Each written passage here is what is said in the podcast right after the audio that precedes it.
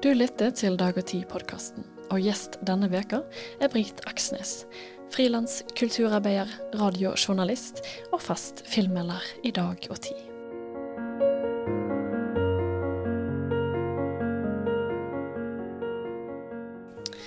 Velkommen, Brit Aksnes.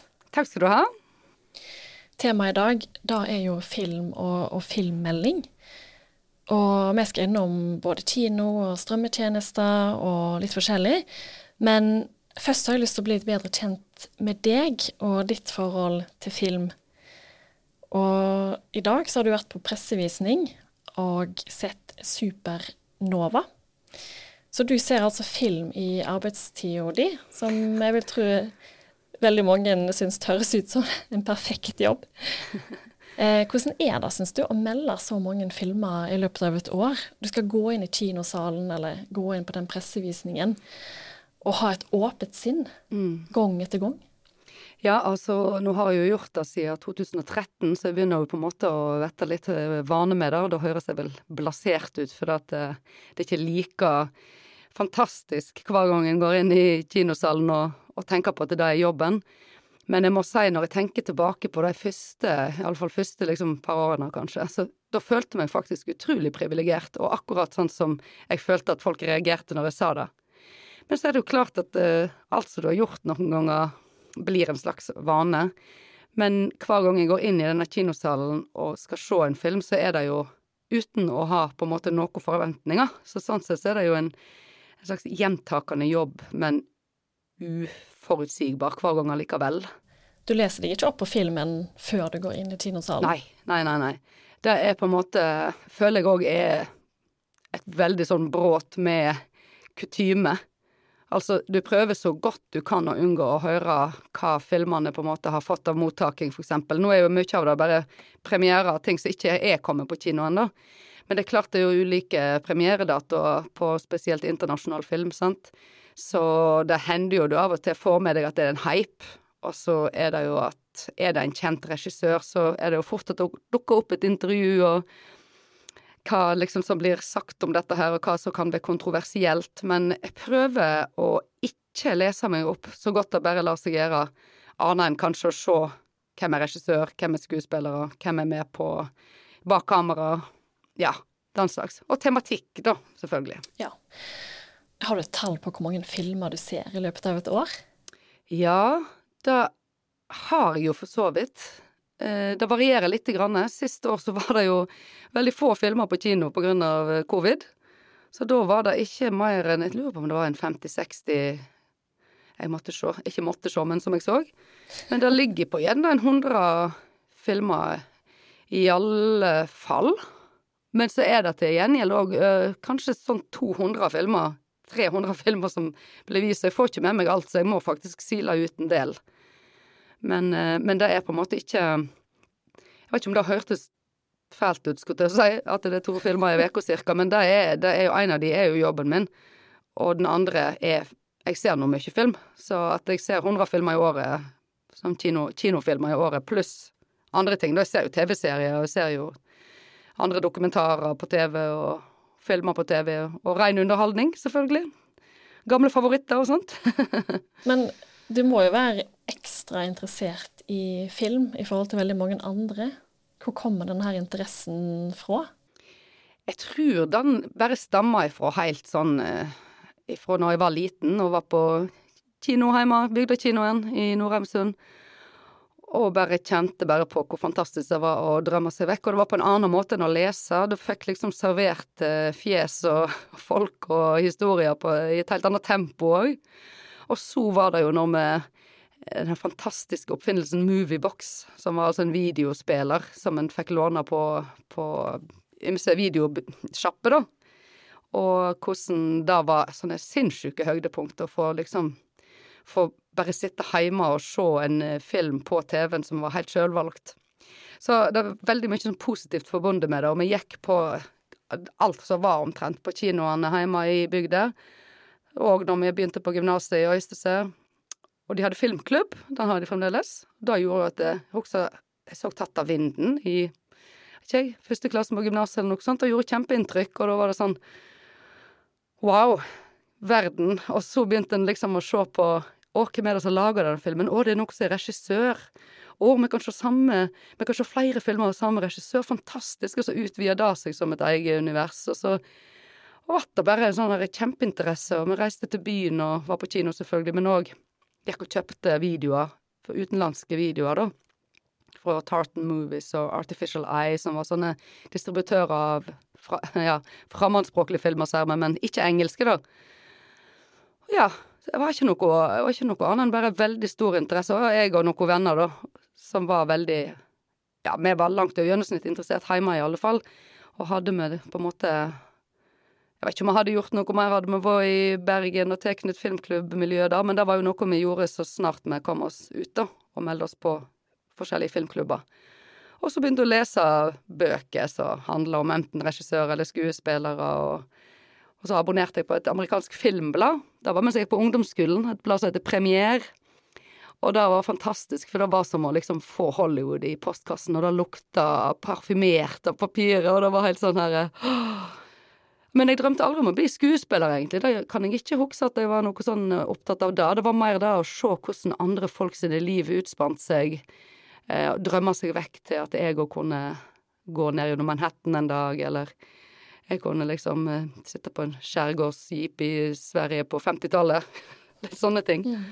Ja.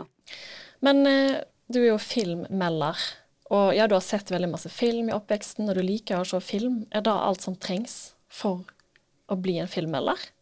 Eller må du ha en formell utdannelse? Nei da, du må ikke ha formell utdanning, men du skal jo selvsagt uh, føle deg komfortabel med å uttale deg om film. Og jeg var jo litt uh, spent i starten. Følte meg ikke kjempehøy i hatten. Jeg gjorde ikke det, altså.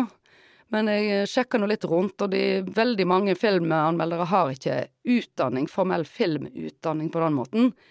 Eh, så egentlig hoved eh, Du må ha sjøltillit på det, og kunne stå for det.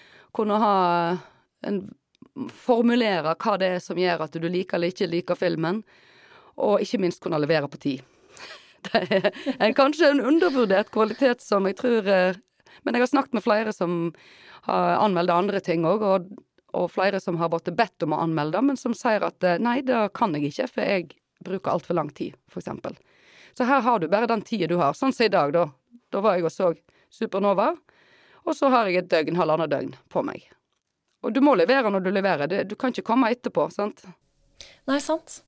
Når jeg ser på film, da, så kan jeg ofte tenke eller føle at dette var en god film, denne likte jeg, eller denne likte jeg ikke. Men jeg syns det er vanskelig å sette ord på hvorfor jeg likte den, og hvorfor jeg ikke likte den. Ja, det er derfor du ikke er filmelder, skjønner du. Men hva er det du ser etter, da? Denne veka så meldte du jo en sånn oppvekstfilm, 'Rocks', regissert av Sarah Gavron, mm. som du ga god kritikk. Mm.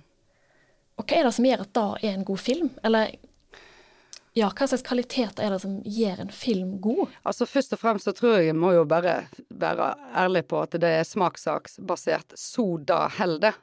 Det tror jeg de aller fleste filmanmeldere De kan jo si at de har mer peiling enn gjennomsnittet, men når det kommer til stykket, så er det en smakssak. Og så blir det da å uttrykke hva som gjør det, som sagt, som blir eh, utfordringen for filmanmelderen. Og da tenker jeg sånn som med Rocks, da. Så var jeg jo litt sånn OK, dette her er jo en ungdomsfilm. Eh, da er jeg ikke nødvendigvis i målgruppa, så hva vil gjøre at jeg liker den? For meg så har det mye å si at de er overbevisende i dialogen, for eksempel. Og at det kanskje kommer litt uh, uventa ting. Det er, verden er en uforutsigbar plass, og veldig ofte så skjer ikke det som du tror skal skje. Uh, og så har det jo med hvor fortetta du klarer å lage handlinger. Men der er jo jeg og min kollega i Dag og Tid, Håkon Tveit, ramlende uenige, f.eks. om dette med lengde på film. Jeg er en sånn her gammeldags eh, en og en halv time helt topp, mens han kan gjerne se tre timer dialogfri film og elsker det, mens da går jeg på veggene og har lyst til å klikke på hele filmen og regissøren og alt som er. Eh, men vi klarer jo å være enige om en del filmer, så det er jo klart at du kan si objektivt sett så finnes det jo en del filmer som er gode, som en kan se at er gode, og da går det gjerne òg på at det er originalt. At noen har, eh, noen har kommet på en god idé, og de klarer å løse den godt. Eh, og da er det jo å beskrive det òg, og der må en jo selvsagt ha sett en del film for å kunne sammenligne. For å si om en film er original eller ikke, så hjelper det jo at du har sett andre med samme tema eller i samme stil, eller til og med originalen av den filmen.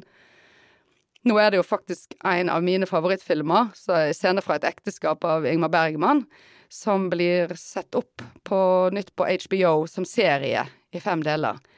Og klart at eh, du kan endelig se den uten å ha sett Bergman-filmen først, men det blir litt merkelig å skulle sammenligne en av de største filmklassikerne eh, uten Eller å skrive om den nye, mener jeg, og ikke sammenligne den med den klassikeren det i utgangspunktet var. Så sånn sett så må du nesten ha et sammenligningsgrunnlag, da. Men klisjeer, er det lov å bruke? Ja, jeg mener at klisjeer kan være lov å bruke, for da klisjeer er jo gjengjeving av noe som bare skjer veldig mange ganger.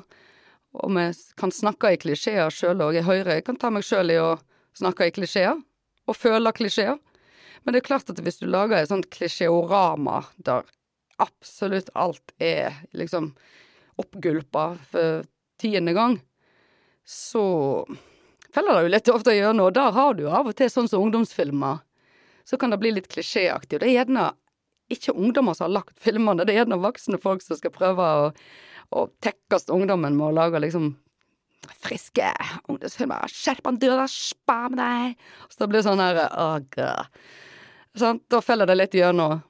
Så Eller hvis det blir veldig mye strykermusikk oppå en kjærlighetsscene eller en avskjedsscene så tenker du liksom der hadde det kanskje hjulpet å tone det litt ned for at du ikke begynner nærmest å le for at det er så opplagt.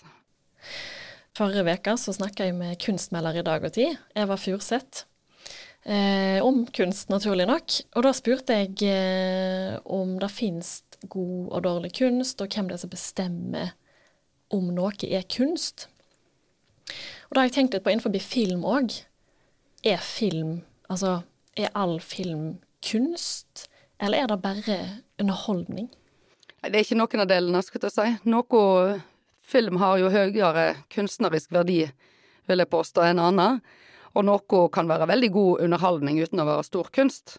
Så jeg syns jo at eh, med tanken på at film ikke kanskje var utvikla for å være et kunstuttrykk i starten, det var en slags en videreføring av underholdningsmediene og teateret, og, og, så kunne du lage film, og det var nå mye kjærlighet og helter og pang, pang, pjau, pjau i starten der, med vel å merke stumfilm, så litt sånn effekter via piano og orgel, kanskje.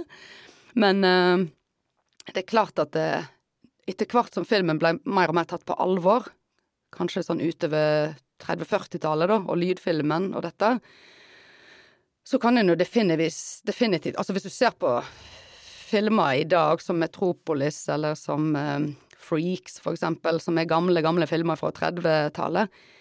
Tenker jo steike meg, altså. Det er jo et sinnssykt høyt kunstnerisk nivå. Og da har de jo brukt virkemidler som gjør at du skjønner at det, disse har ikke tenkt kun på at det skal underholde. Og sånt er det på en måte en blanding av fremdeles, syns jeg. Du har film som har høyere kunstnerisk verdi, og filmer som er reinspikka underholdning. Ja, hva type verkemiddel er disse kunstneriske virkemidlene, da? Nei, det har noe med hvordan, hvordan du forteller en historie, hvordan du bruker filmkamera, hvordan du bruker lys, hvordan du bruker musikk. Eh, alt som på en måte kan settes til sammen for å skape et uttrykk som seeren gjør seg opp en mening om, men kanskje ikke alltid om å gjøre å ha hurtigst framdrift, eller eh, at det skal være en stor, stor historie, men enkel, liksom. Det er ikke, det er ikke mann møter kvinne, eh, blir de i lag eller blir de ikke i lag. Det er kanskje mer eh, dype tema, da. Og at en eh, dveler med ting som er mer filosofisk orientert enn rein action-prega. Ja. Men vi må litt videre, for jeg Eh, før jeg skulle snakke med deg i dag, så var jeg kjapt innom kinoprogrammet for kinoteatrene her i Oslo. De vanlige, da. Ikke Cinemateket og disse litt mer eh, Hva skal man kalle de for? Spesialiserte mm. kinoteatrene. Um, og jeg tror ikke jeg fant én fremmedspråklig film i kinoprogrammet. De aller fleste filmene var amerikanske. Men vi vet ja. jo at det blir laga filmer i hele verden. Så da tenkte jeg, hvem er det som bestemmer hva slags filmer som blir vist på norske kinoteater? Det er jo det er mye kinoene, da. Hvis du snakker om uh, rene kinofilmer, så er det jo de som sitter og programmerer på kinoene som bestemmer om de vil ha det eller ikke. Og så er det jo Det er nå en blanding av både private og offentlige aktører, men alle vil jo prøve å sette opp noe de tror at kommer til å gå bra, for kino er nå business. Det må vi jo bare eh, innse. Og da har det jo en tendens til at det blir de store Hollywood-produksjonene, og ikke disse litt som blir sett Altså, de trenger overhodet ikke være smale, selv om de er fra Romania, for eksempel, men folk er jo livende redde for alt som ikke høres ut som enten amerikansk eller norsk. Og det samme sliter, vi jo, sliter du med i andre land òg. At de har sine egne filmer pluss Hollywood. Og så har du et lite segment i midten som får lov å gå en stund hvis du er heldig. Og det er jo veldig veldig slitsomt uh, å vite hva mye en går glipp av, faktisk. Og det er jo derfor det reiser jo mye på filmfestivaler. Og det er jo filmer som du bare ser jo Nei, denne kommer aldri til å bli sett opp på norske kinoer. For den er både for drøy og for bra og for smal og Altfor lite Hollywood inne i bildet her. Så det er rett og slett eh, Det er rett og slett noen folk som sitter og bestemmer hva som skal ut. Og så Altså, det er jo ikke, er ikke rart heller, for de har nok testa dette over flere år. Og de veit ganske mye om hva det er som selger, og de veit at det er mye ungdom som går og ser kino. De er fremdeles ikke gamle nok til å gå ut på byen og den slags, så de kan fremdeles finne på å gå ut med vennene sine og gå på kino. Og det er klart at da er jo sånn som Marvel er jo det, det er jo det største. De, de Altså, de tverrer jo den der Marvel-kluten nå ifra de siste dråpene og tyner det for alt det er, altså. Og noe av det er jo bra, for all del, men det er søren meg mye som ikke er bra òg. Ja, for dette her er disse superheltfilmene. Ja. Mm. Og så har du jo en kjempekonkurranse nå i strømmetjenesten, og det som skjedde med Black Widow, var jo ganske ja, Jeg vet ikke, det blir en markør, det der, tror jeg, for Black Widow, den var jo, det er den med Scarlett Johansson. Og hun skulle jo da Hun gikk jo nærmest Gikk hun til rettssak? Ja, hun sa iallfall ifra om at dette var ikke som det skulle være, for at hun skulle få sin prosentbetaling ut ifra kinotall og strømmetall. Men kinotallene går veldig mye ned hvis du strømmer det samtidig, og det skjedde med Black Widow. Den gikk på Disney pluss samtidig som den hadde premiere på kino. Klart at folk er late, altså. og Går eh, gjerne så langt bort som til fjernkontrollen for å se en film hvis de kan det, og ikke på kino selv om det har alle mulige kvaliteter du egentlig har lyst på når du ser en film. Sånn at eh, det er klart at da blir jo kinobransjen òg mer pressa til å virkelig ta de der blockbuster-filmene, da. For å være sikker på at de lokker til seg ungene, ungdommene. Ja, for nå etter korona, eller før korona òg, men kanskje spesielt etter korona når alle kinoene ble stengt, så da satt jo folk hjemme og så på Netflix og HBO og Disney og ja, alle disse strømmetjenestene. Og det er jo veldig komfortabelt, selv om ikke du har nødvendigvis surround sound og stor skjerm, så fungerer det jo helt greit. Mm. Um, men så har jeg tenkt litt på at f.eks. min Netflix, den ser sikkert ikke helt lik ut. Eller jeg får sikkert ikke opp de samme filmene som du nødvendigvis gjør på din Netflix. Får du ikke opp kategorien jo... sterke kvinner?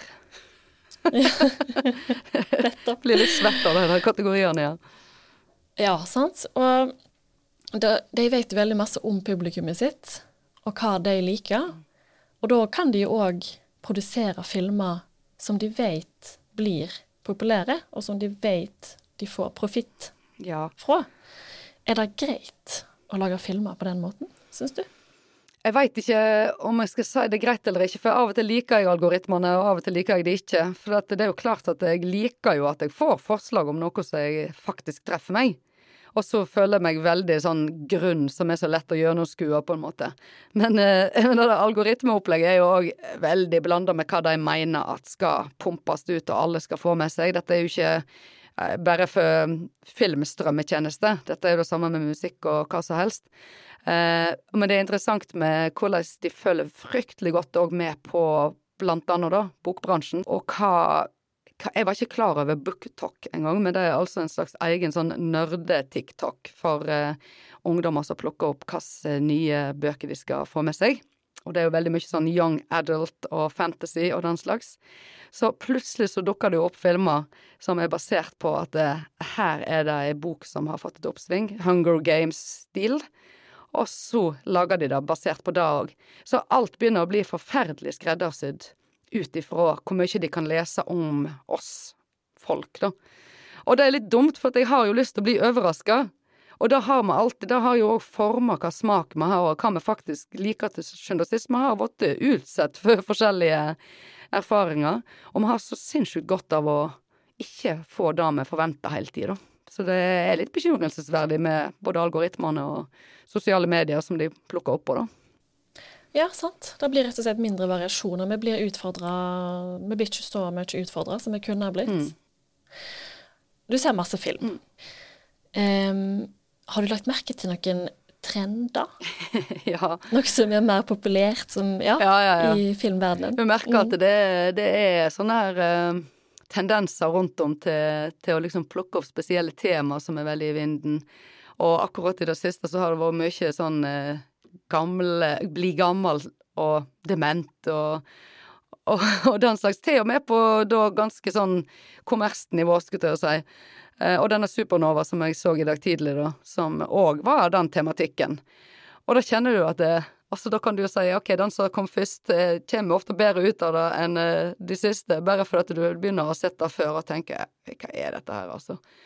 Skal, er det det som er greia? Det har jo eksistert lenge, men samtidig, det er jo òg en Det viser jo at det er noe med strømningene i tida, og at det er jo ekstremt positivt hvis vi begynner å bli opptatt av at vanlige folk får demens, eller blir demente.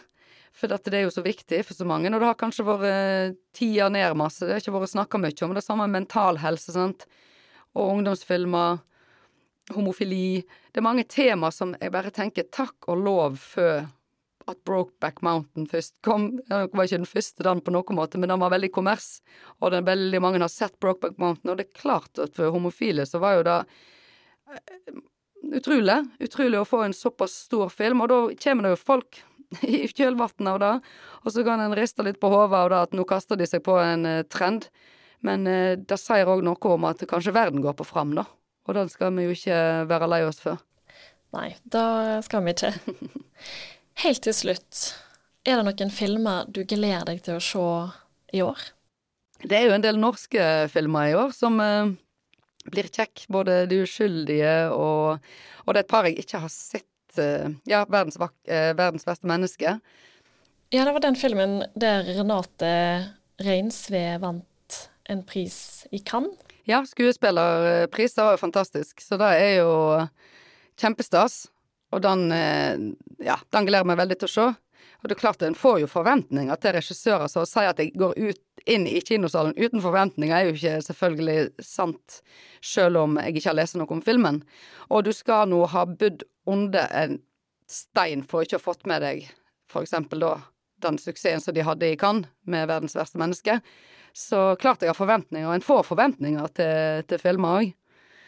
Så um, Nei, det er mye Jeg tror det blir mye kjekt og Eller spennende å se, da, av norske filmer framover. Det er så mye forskjellige sjangre òg, både innenfor horror og fra mer sånn kameradrama og til disse her eh, mer sånn ja, indie-filmene, hva du vil kalle det. Så det blir spennende. Britt Aksnes, tusen takk for at du ville være med i Dag og Tid-podkasten. Takk skal du ha. Kjekt å være her.